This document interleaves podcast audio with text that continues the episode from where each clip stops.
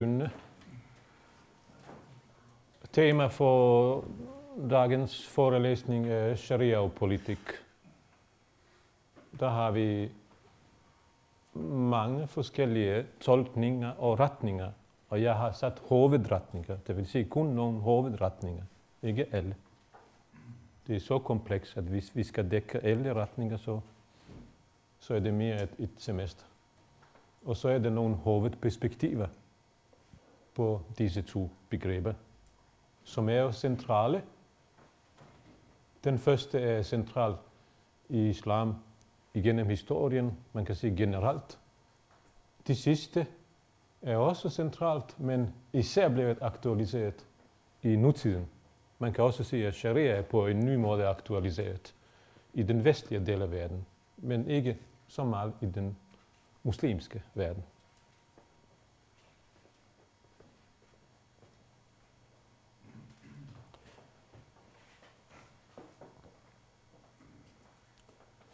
Ja, og derfor starter vi med, med det aktuelle, nogle spørgsmål, som kan være en åbning øh, for samtale, diskussion om øh, sharia og politik i islam.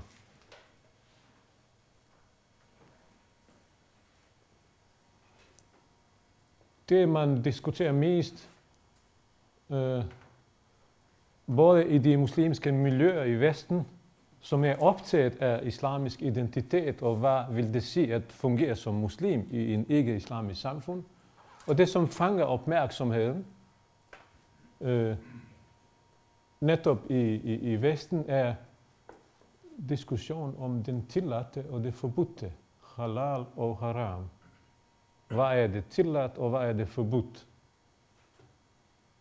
Og så er det et spektrum af forskellige mellemkategorier, som hverken er tilladt eller forbudt, eller et spektrum af fortolkninger är det tilladte og forbudte. Så sort-hvidt er det ikke, og derfor har man en diskussion. Øh, angående sharia, der er det mest interessante for den diskussion de såkaldte sharia-straffe man bliver straffet for det forbudte. Det vil sige, at man definerer det, hvad det er forbudt, og så kan man argumentere for en straf. Og det er de hårde straffe, man hører meget om. Dødstraf for frafald. Det er ikke frit at konvertere fra islam. Det siger man stening til døden for hår. Det vil sige, det er utroskab for dem, der er gift. afhugning for tyveri, piskning for alkoholindtagelse. Det er disse hårde straffe, som er genstand for diskussionerne. Og der skal vi så se, om hvilken del disse straffe er i, inden for sharia, hvordan de praktiseres, om de overhovedet praktiseres i den muslimske verden. Ja. En almindelig opfattelse af sharia i islam er som om, at sharia det, det er det vigtigste i islam. Det er velbeskrevet, øh, udviklet i selve Koranen, og så er det klart, at muslimerne er meget optaget af sharia. Men hvis vi ser på nogle tal angående teksten, den koraniske tekst, og hvis vi ser på, hvor meget at den tekst øh, har en, lad os sige, juridisk øh, karakter, så står det sådan. Koranen indeholder, indeholder 6.235 verser. Og cirka 500 af dem, det vil sige 5 procent, direkte eller indirekte omhandler just retsforhold. Største del af dem af Koranverser, som, som er om, om det retslige forhold. Største del vedrører ritualerne. Bøn, faste, men også skat. Uh, cirka 70 verser omhandler familieforhold og cirka 70 politiske rettigheder. Og 30 straffelov. Ja. Og så pointen er, hvis man tror, at de 30 verser i Koranen er vigtigste, og hvis man ikke tolker dem kontekstuelt, så har man virkelig et problem. Et stort hermeneutisk problem.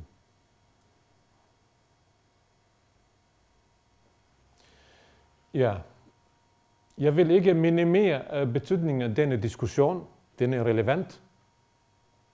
Og den er også relevant, fordi efter skille øh, undersøgelser, så er der mellem 10 og 40 procent af muslimer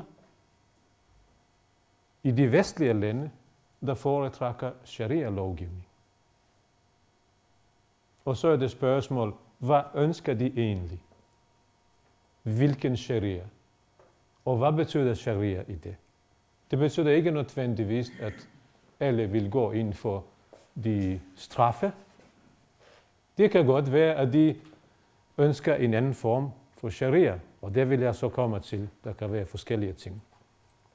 Pointen her er, at man ikke skal identificere sharia med de øh, strafferegler. De praktiseres heller ikke i stor omfang i den muslimske verden.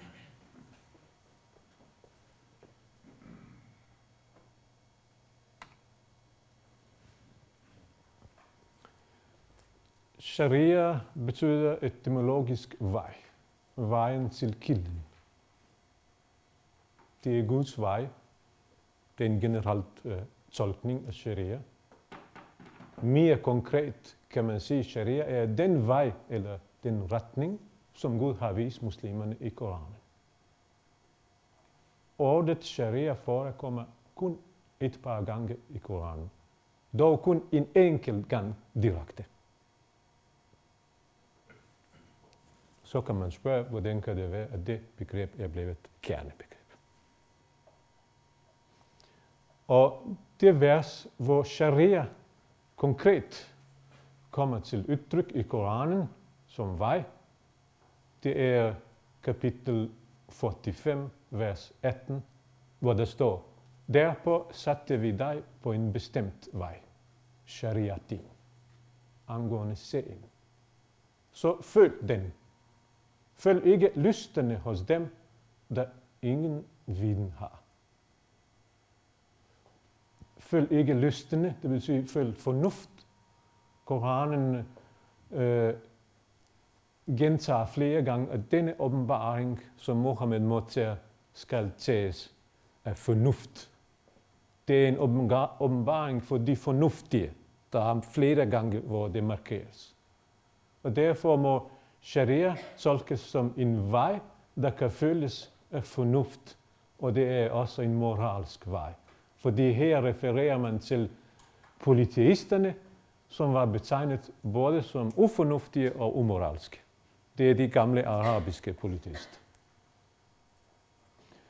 Ja, et andet vers, hvor sharia forekommer i Koranen, siger, for hver er og en af jer har vi sat en retning og en vej, shar. Hvis Gud havde villet, havde han gjort jer til et fællesskab, men han ville sætte jer på prøve gennem det, han har givet jer. I skal derfor stræbe efter at komme først med det gode. Hvad kan man konkludere herfra? Der er flere sharia-veje. For det første og for det andet, det var Guds vilje, der er flere sharia-veje. Dette står relativt klart. Man behøver ikke at foretage en dybt exegetisk, hermeneutisk tolkning for at komme frem til, at der skulle være flere sharia-veje, der er legitime hos Gud. Og så det tredje vers med sharia i Koranen, der står, til religion Og det er interessante. Religion betragtes som shara. Nogle mener, det er jo sharia. Det er samme råd. Og derfor, når man siger religion, så er det sharia. Øh, til religion, han har forordnet jer det, som han pålagte Abraham, Moses og Jesus. Ret jer efter religionen. Her kan man forstå, at sharia er næsten synonym til monoteisme eller religion. I det første vers skal vi forstå, at der er flere sharia-veje. I det andet, at sharia er øh, noget i retning af en monoteistisk religion. Og derfor står der, at man har forordnet, man har givet noget, som Gud allerede har pålagt Abraham, Moses og Jesus. Det er ret efter religionen, som om det er en fælles sharia, som de tre monoteistiske religioner.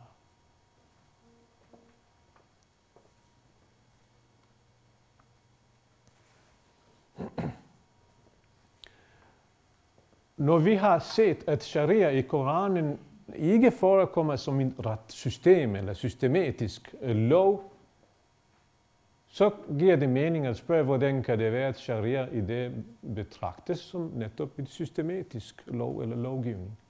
Det er fordi, man kan skelne mellem sharia som en vej og et lovsystem, som er blevet udviklet på baggrund af det, der står i sharia som vejen i Koranen og profetens praksis.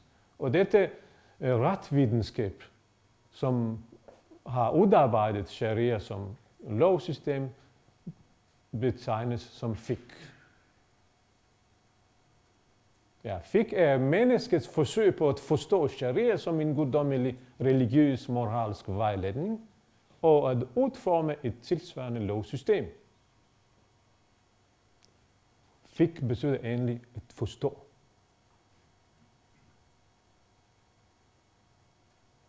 Og så har man den klassiske, traditionelle videnskab. Det er det første videnskab, muslimerne har etableret. Usul al-fiqh. Videnskab om islamiske retsprincip.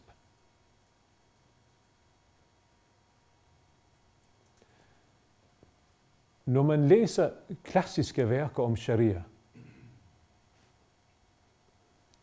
lad os give et eksempel. Man har en bog på 500 sider om sharia.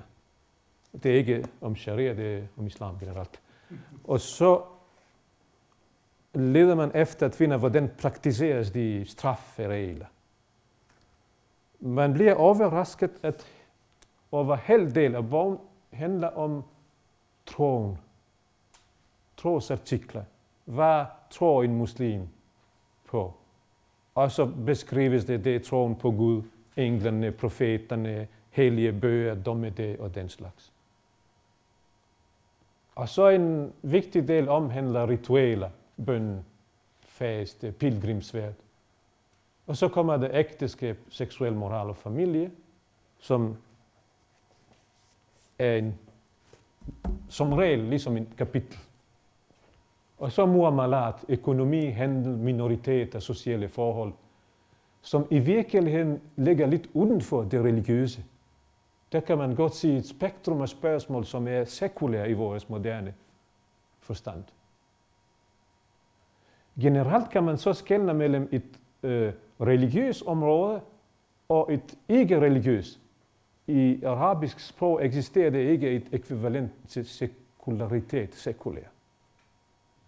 Det tætteste, de har, det er jo, det er jo noget, der indikerer ikke religion, når der er imod mod religion.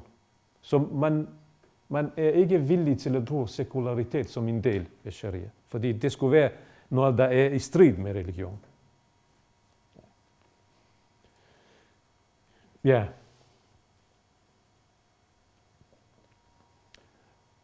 Når vi har sagt, at de forskellige områder og enkelte er vigtigere end andre, eller mere omfattende, så kan vi også se, hvordan det fungerer i praksis. Fordi man har jo en teori, og man har også en praksis. På det teoretiske, teologiske plan, der kan vi øh, tale om en ideel normativ regelsæt. Det er de lovbestemmelser formuleret ud fra Koranen som guddommelig vejledning. Men så er det også øh, en islamisk lov eller sharia-lov i praksis, som fungerer efter princippet, at man har noget religiøst funderet, altså islamisk funderet øh, grundlag, hvor man inddrager lokale traditioner og plus kanon, som er igen øh, en slags øh, sekulær lovgivning. Og et godt eksempel på en kombinering af den islamiske og det sekulære er det osmaniske rige, hvor kanon spillede en meget vigtig øh, rolle.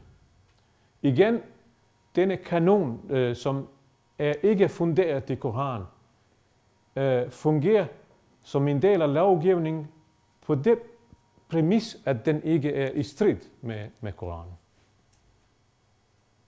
Og så har man nogle ad hoc juridiske erklæringer, fatwa.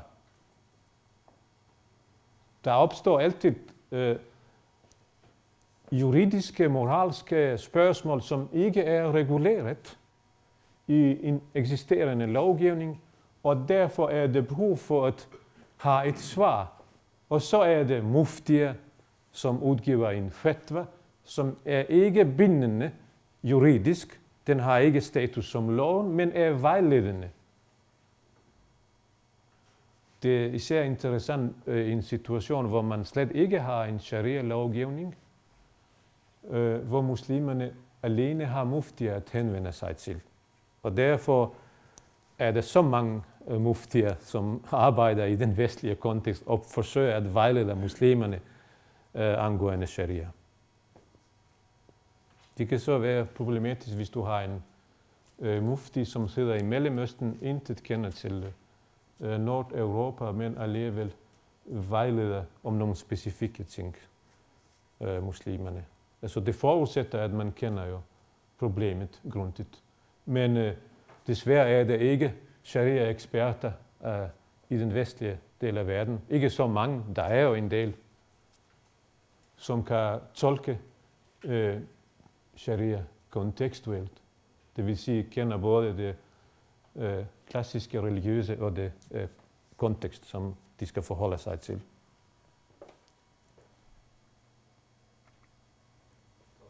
Ja. Må godt. Ja.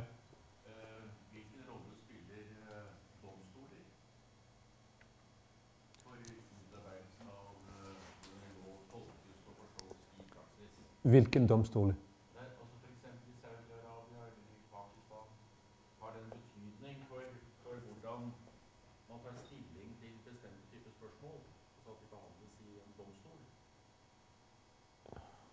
jeg ikke sikker, jeg forstår.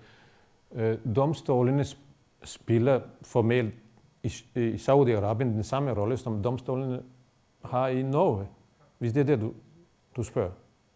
Men jeg mente, om, om de spiller en rolle i forhold til muslimer, der bor udenfor, eller der bor i Vesten, eller nej. Men for nogle individuelle, ja, fordi de retter sig efter nogle processer og, og afgørelser, dom, som finder sted forskellige lande. Men øh, ja, de afgør domstolen. Der er bare en anden øh, retspraksis øh, procedure. Det er stadig meget med vidne, vidnesbyrd. Man aflægger et vidnesbyrd. Man har vidne. Det er efter den klassiske system. Ja. Men eh, uh, muftierne spiller en, en sådan mere uh, ja, hvad kan man sige, åben, altså det er på en åben arena, men det er ikke afgørende, om du har en mufti i Saudi-Arabien, Pakistan, USA eller det. Hvis man opfatter en som autoritet, så lytter man til for eksempel Kardavi, Yusuf Kardavi er en øh, gammel øh, mufti fra Katar, som har den muslimske broderskab, mm, mm, broderskabsbaggrund. Men han regnes for at være en autoritet inden for sharia, og så er det ikke underligt, at man spørger ham fra Europa. Han er også med, eller var på et periode med i den europæiske fatwa-koncil fra, fra England eller Irland. Jeg kan ikke huske præcis, hvad jeg siger. Vi ser hovedretninger og skoler, og der har vi hovedskoler. Fire hovedskoler. I behøver ikke at gå i detaljer, men jeg har jo sat flere ting på skriften, som jeg synes er mest relevante, for I ved, hvornår disse skoler er blevet etableret, af hvem, hvor de er udbredte. Altså fire sunni-skoler, og så er det shia-skoler også. Altså det vigtigste for, for, for os nu, er at forstå, at der er forskellige tolkninger af sharia, som er blevet etableret inden for visse skoler. Der har været mange andre skoler, men disse fik øh, en øh, legitimitet i kraft, at der var mange tilhængere, eller i kraft, at der var en magthaver, der favoriserede en skole. Den største øh, talmæssigt er Hanafi skole, og det største del af ikke-arabiske muslimer, som er sunni, de tilhører denne skole. Og Abu Hanifa selv var ikke araber, han var perser. Og så er de tre skoler, som er mest udbredte i den arabiske verden. Den mest interessante i den moderne tid, især angående diskussion med, øh, øh, omkring Salafi og Wahhabi Hanbali-skolen. Og det er også den mest konservative. Og så er det Shia-skoler, som naturligvis spiller en vigtig rolle for Shia-muslimerne. Ikke mindst i Iran, hvor ligesom i Saudi-Arabien, hvor en bestemt øh, sharia-skole fungerer som grundlag for lovgivning. Øh, der er flere ligheder end forskel mellem de shiitiske og sunnitiske skoler. Det er også et øh, specifikt område, hvor man ikke behøver at gå ind i detaljer. Men grundlæggende kan man sige, at sunni-skolerne ligger vægt på ijma, de lærte konsensus på sunna, profeten og hans efterfølges praksis, mens de shiitiske skoler holder sig mere til imamernes individuelle fortolkning, det vil sige ijtihad. Og i højere grad betoner profetens og hans familiens eksempel. Og så er der konkrete forskelle angående familie og arveret. Jeg selv kender ikke alle detaljer om forskellene mellem, mellem de skoler. Ja. Et lille spørgsmål til den Shafi-skolen. Ja. Uh, dette er jo land som på mange måter både Egypt, Syria, Øst-Afrika, Sri Lanka, Malaysia, Indonesia, Filippinene osv.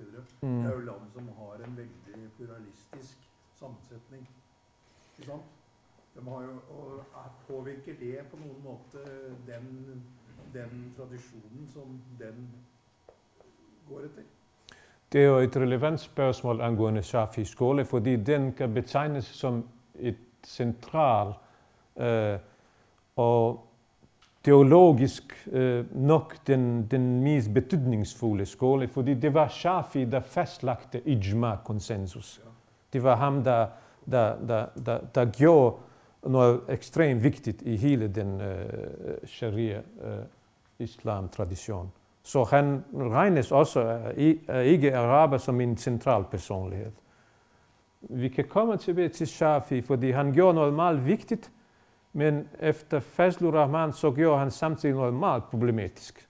At han fastlagte et model, som senere blev brugt ikke som, som model eller hjælpemiddel, men som et fast.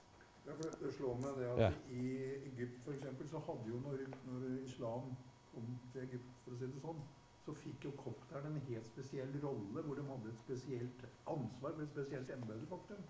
Ja. Blandt andet ja. krigerembedet. Ja, ja, ja. Ja, det kan vi komme tilbage. Vi bevæger os til den moderne tid.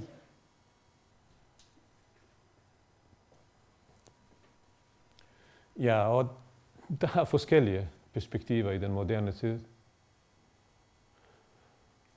Altså, den moderne tid er også markeret af fundamentalisme.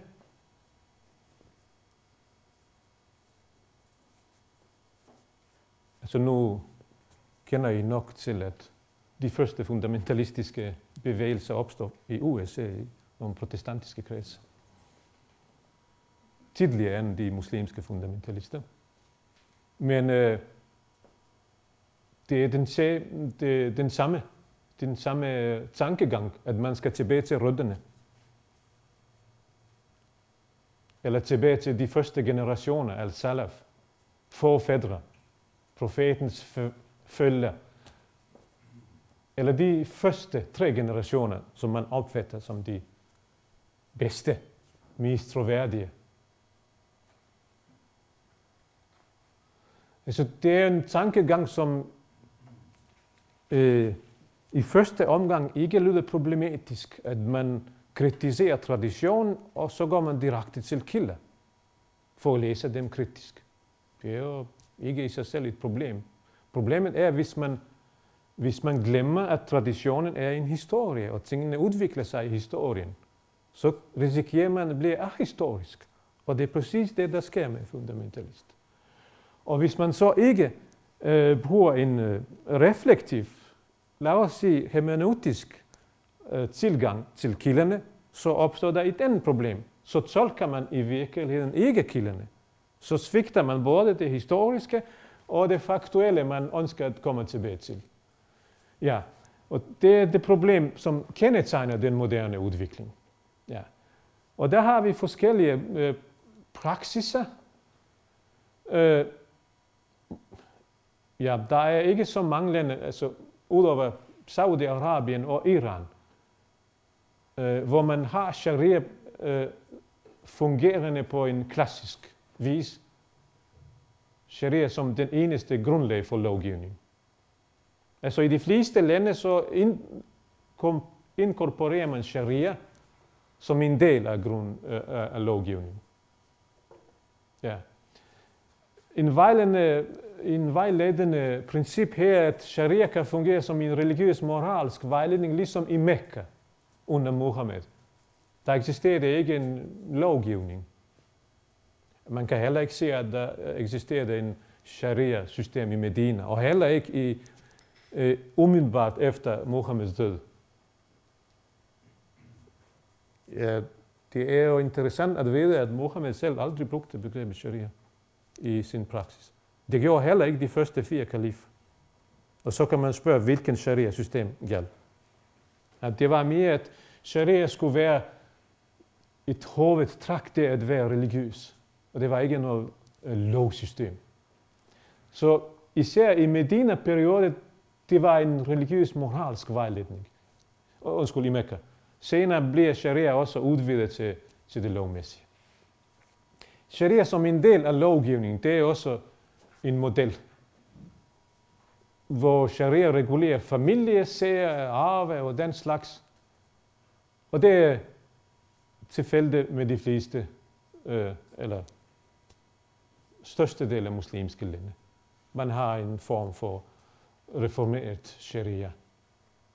Øh, ja, eller sharia, som er integreret i en reformeret lo- lovgivning. Undskyld.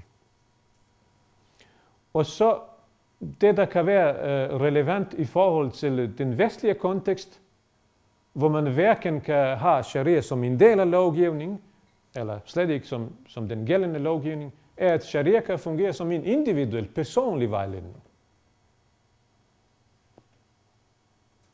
Og her kan vi så komme tilbage til hovedområdet, for det er ikke lidt, fordi det gælder ritualer og, og trospraksis. Så under alle omstændigheder spiller sharia en vigtig rolle. Hvis man tænker, hvordan vil man øh, betale øh, frivillig skat eller give almisse, så kan man rette sig til regler udenom at det rører at den eksisterende lovgivning, for ikke at snakke om bøn og andre praksisformer. Så det sidste kunne være et model, hvor sharia er en del af det sekulære lovgivning.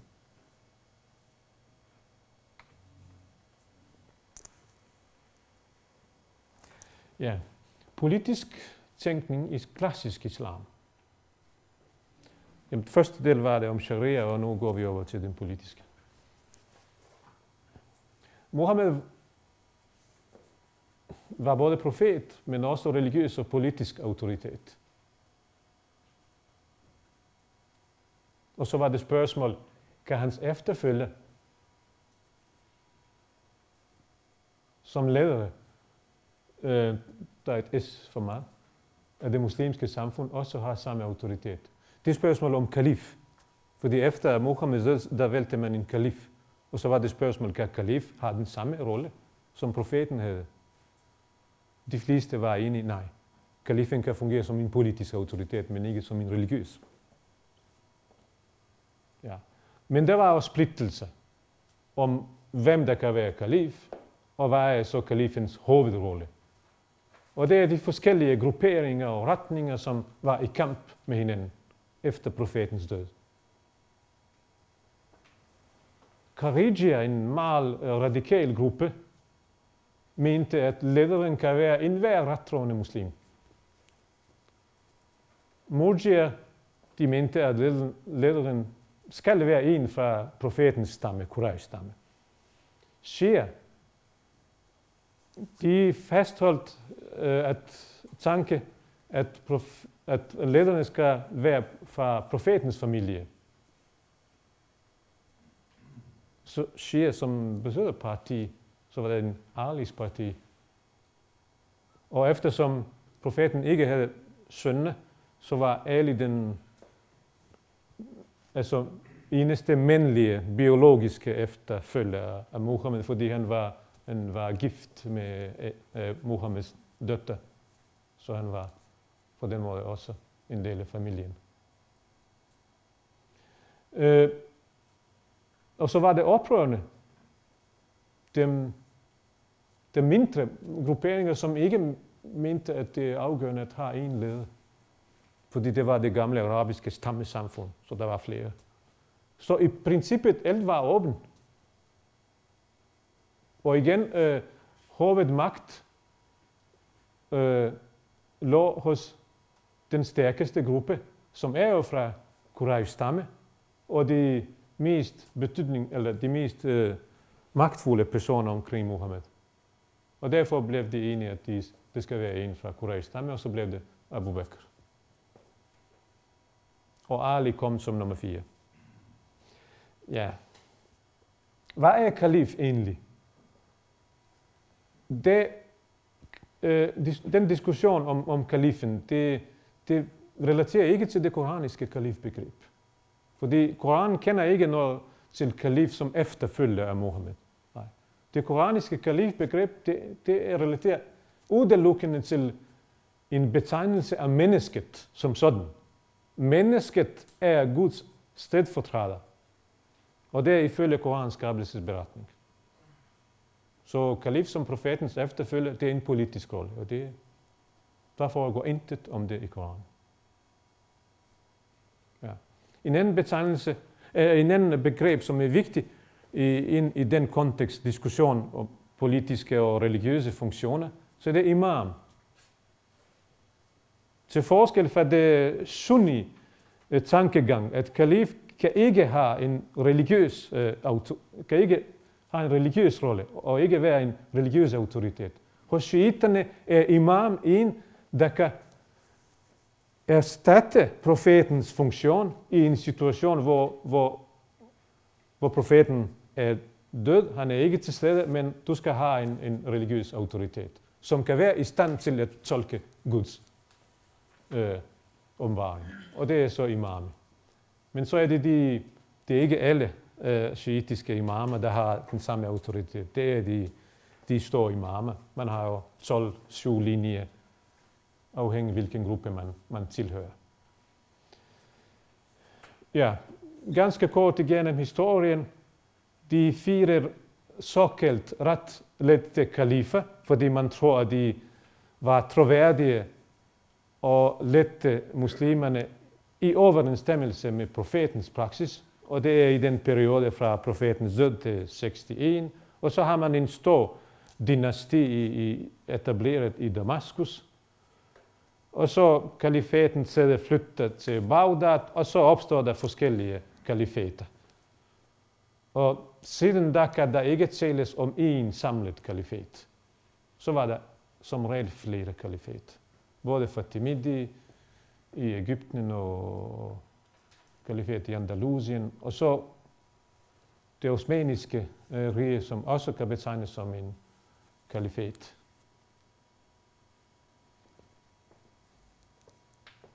Fordi øh, øh, året, hvor det osmaniske rig øh, blev opløst i 1904, betegnes som, som tid, hvor der ikke længere er kalifater.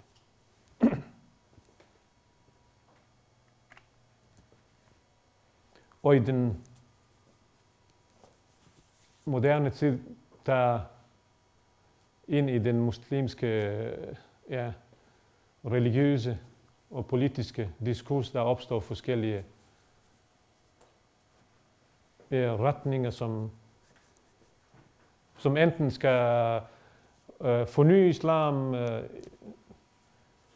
foretage reformer eller vækkelse på det mere populære sociale plan.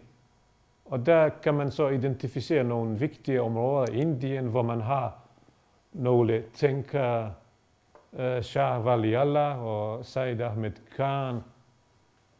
De argumenterer meget for kritisk læsning og tradition. Og det er faktisk nogle af de mest vigtige reformidéer, vi, vi har i den moderne øh, islam. I Saudi-Arabien det er mere vækkelse, uh, af Abdul Wahab og hans projekt, som er omkring renselse af islam fra mystiske, filosofiske og ikke-arabiske elementer. Eh, kamp mod osmanerne var hans første prioritet, og der fik han en god hjælp fra britterne. Så det er faktisk britterne, der har hjulpet ham på vejen til magt. Og i Ægypten, der har vi Jamaluddin Afghani, som oprindeligt er fra Afghanistan, en perser, og Mohammed Abdu, som havde et projekt om befrielse fra kolonimagterne. Afghani øh, propaganderede panislamisme. Abdu var optaget af genåbning af ijtihad, det vil sige øh, kritisk, kreativ tolkning han iværksatte sharia og uddannelsesreform, fordi han var øh, Ægyptens øh, store mufti. Og så det er de processer med fornyelse og reform, som har bredt sig fra Ægypten til andre områder. Og i Tyrkiet, der var igen en, en, en bevægelse. Øh, ja, Zia Gülkap, kendt som sin pan-tyrkiske øh, projekt, hvor kulturel identitet var vigtigst, men også oplysning, og Kemal Atatürk, som, som er den første moderne tyrkiske altså leder, han etablerede Tyrkiet som et national stat. Han afskaffede sharia-lov og indførte de sekulære love. Så det er jo meget kort, hvad der sker i de forskellige områder, og som påvirker resten af den muslimske verden.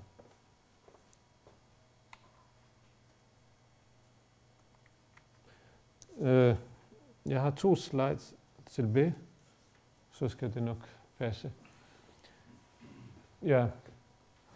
De første betegnes som modernister. Det er eksempler, hvor der kommer modernistiske idéer i islam.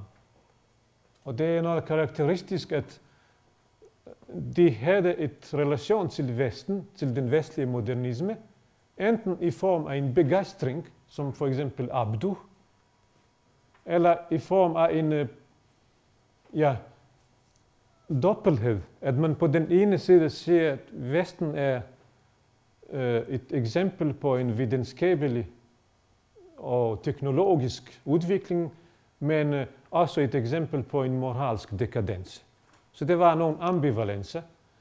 Generelt kan man sige, at ingen af disse har oplevet Vesten indefra. Øh, Mohammed Abdu var i Vesten som gæst. Han havde diskussioner med vestlige øh, universitetsfolk, og han er en af dem, som kendte lidt, men det er ikke på den måde, at man har levet i Vesten, at man har studeret Vesten, at man har en øh, dybtgående øh, viden til Vesten. Men så kommer en anden øh, periode, hvor man har jo muslimske intellektuelle, som kender Vesten indefra, som, som tager deres uddannelse i Vesten, og som samtidig fastholder den klassiske islamiske uddannelse. Og en af dem er Fazlur Rahman. Og han er en central skikkelse i perioden efter øh, 2. verdenskrig. Hvorfor er han vigtigt, og hvorfor er han central? Øh, fordi han han er kritisk over de første modernistiske øh, tankegang. Han læser kritisk øh, islamisk tradition. Han læser kritisk den vestlige øh, tradition. Han har en kombination af en klassisk islamuddannelse og en vestlig universitetsuddannelse. Ja, nogle punkter, som er, af, øh, som er vigtigste. Øh, først omkring læsning og tradition. Mohammed praksis skulle, skulle tjene som eksempel og inspiration, ikke som en fast dogmatisk ramme. Og der tænker han faktisk på Shafi. Shafi har etableret en dogmatisk ramme. I stedet for at holde eh, eh, øh, øh, sunnah som et eksempel og inspiration. Koranen og islams etik et kernepunkt i hans kritik af den muslimske tradition er, at man ikke har forsøgt for at bruge hans eget øh, ord. Han siger, at muslimerne har ikke forsøgt at udvikle et systematisk, etisk lære på baggrund af Koranen. De har holdt sig Eh, øh, hellere til de konkrete forskrifter, som har juridisk karakter. Fordi de var interesseret i loven. Og fordi man har etableret lovskoler, uden at man, har, at man tager højde for det etiske del af Koranen, så har man igennem historien vekslet hele tiden mellem etik og loven. Det er det første problem. Det andet problem er, at man har ud fra denne veksling forstået, at islams etik udspringer af loven. Og Fazlur Rahmans pointe er, at det skulle snarere være omvendt. Og det er det, der ikke er sket. Men det er ikke for sent. Og angående det politiske, der har været en uh, historie, hvor man har etableret kalifat, som nok var en fornuftig løsning på det tidspunkt. Men øh, verden har udviklet sig. Islam er blevet verdensreligion. Øh, til stede på flere kontinenter, og så kan man godt spørge, om kalifat er det bedste eller den eneste model, der kan legitimeres af øh, Koranen. Der er muslimske lærte, som siger, kalifat kan dog legitimeres, selvom den var en øh, fungerende model. Fordi Koranen har en enkelt øh, politisk begreb, og det er shura. Og shura betyder rådgivning, konsultation. Og der kan man så spørge, rådgivning, konsultation og kalifat, hænger det så godt sammen? Rahman vil sige, at shura det går mere i retning af parlamentarisme hvor man diskuterer tingene. Så hvis man vil tage udgangspunkt i det politiske koncept, der er i Koranen, og det er kun shura, der er ikke andre politiske begreber, så kan man lige så godt udvikle en islamisk parlamentarisme og ikke kalifatmodel. Men øh, igen kan man godt stille spørgsmål, betyder shura virkelig noget, der går i retning af parlament? Fordi det var ment om, om et fællesskab. Det var mere moralsk, etisk e, øh, konsultation. Der er muslimer, som har udviklet en såkaldt øh, e, islamisk demokrati, shurokrati. E, øh, der er muslimer, som siger, at shurokrati øh, er et begrænset koncept, som udelukkende gælder bystat, Fordi Medina, det er jo en by, det er ikke en stat. Og der er forskellige øh, retninger inden for det politiske. De er især aktuelle i den moderne tid. Og i denne tid, der er igen, og det er med henvisning til øh, vores bog, som skældner mellem øh, legalistiske traditionalister, og det er den nævnte Yusuf al-Qardawi, som fastholder de klassiske præmoderne fikskole, politiske islamister, og det er muslimsk broderskab og Jamaat Islami i Pakistan som eksempler. Og det vil nu etablere islamisk stat. Ikke direkte kalifat, men islamiske stater. Og de, de tager hensyn til de etablerede ideologier, socialisme, kapitalisme, liberalisme. Og det er en ideologisk tolkning af islam. Derfra kommer der tanke, at islam er ikke en religion, islam er en ideologi. Hvilket kan være dybt problematisk, fordi hvis ideologi er kerne i islam og ikke religion, så kan man sige, at ideologi er et menneskeligt produkt, så det vigtigste i islam er, hvad der produceret af mennesket. Ja. Yeah. Øh, sekularister, som øh, er fortæller for sekularisering af muslimske samfund. Eksempler er Atatürk i Turkiet, Ali Jinnah i Pakistan, som er grundlægger af Pakistan. Shah øh, i, i uh, kongen Shah i, i Iran, eller Bourguiba i Tunesien. Jamen, det er jo, de er alle sammen døde. Men det er jo eksempler på en tidlig uh, sekularistisk uh, tankegang i islam. Man skal dog huske, at det ikke er de første sekulære tanke. Den første kommer allerede i 1100-tallet. Og det er Ibn Rushd. Ibn Rushd er forgænger for den sekulære tænkning.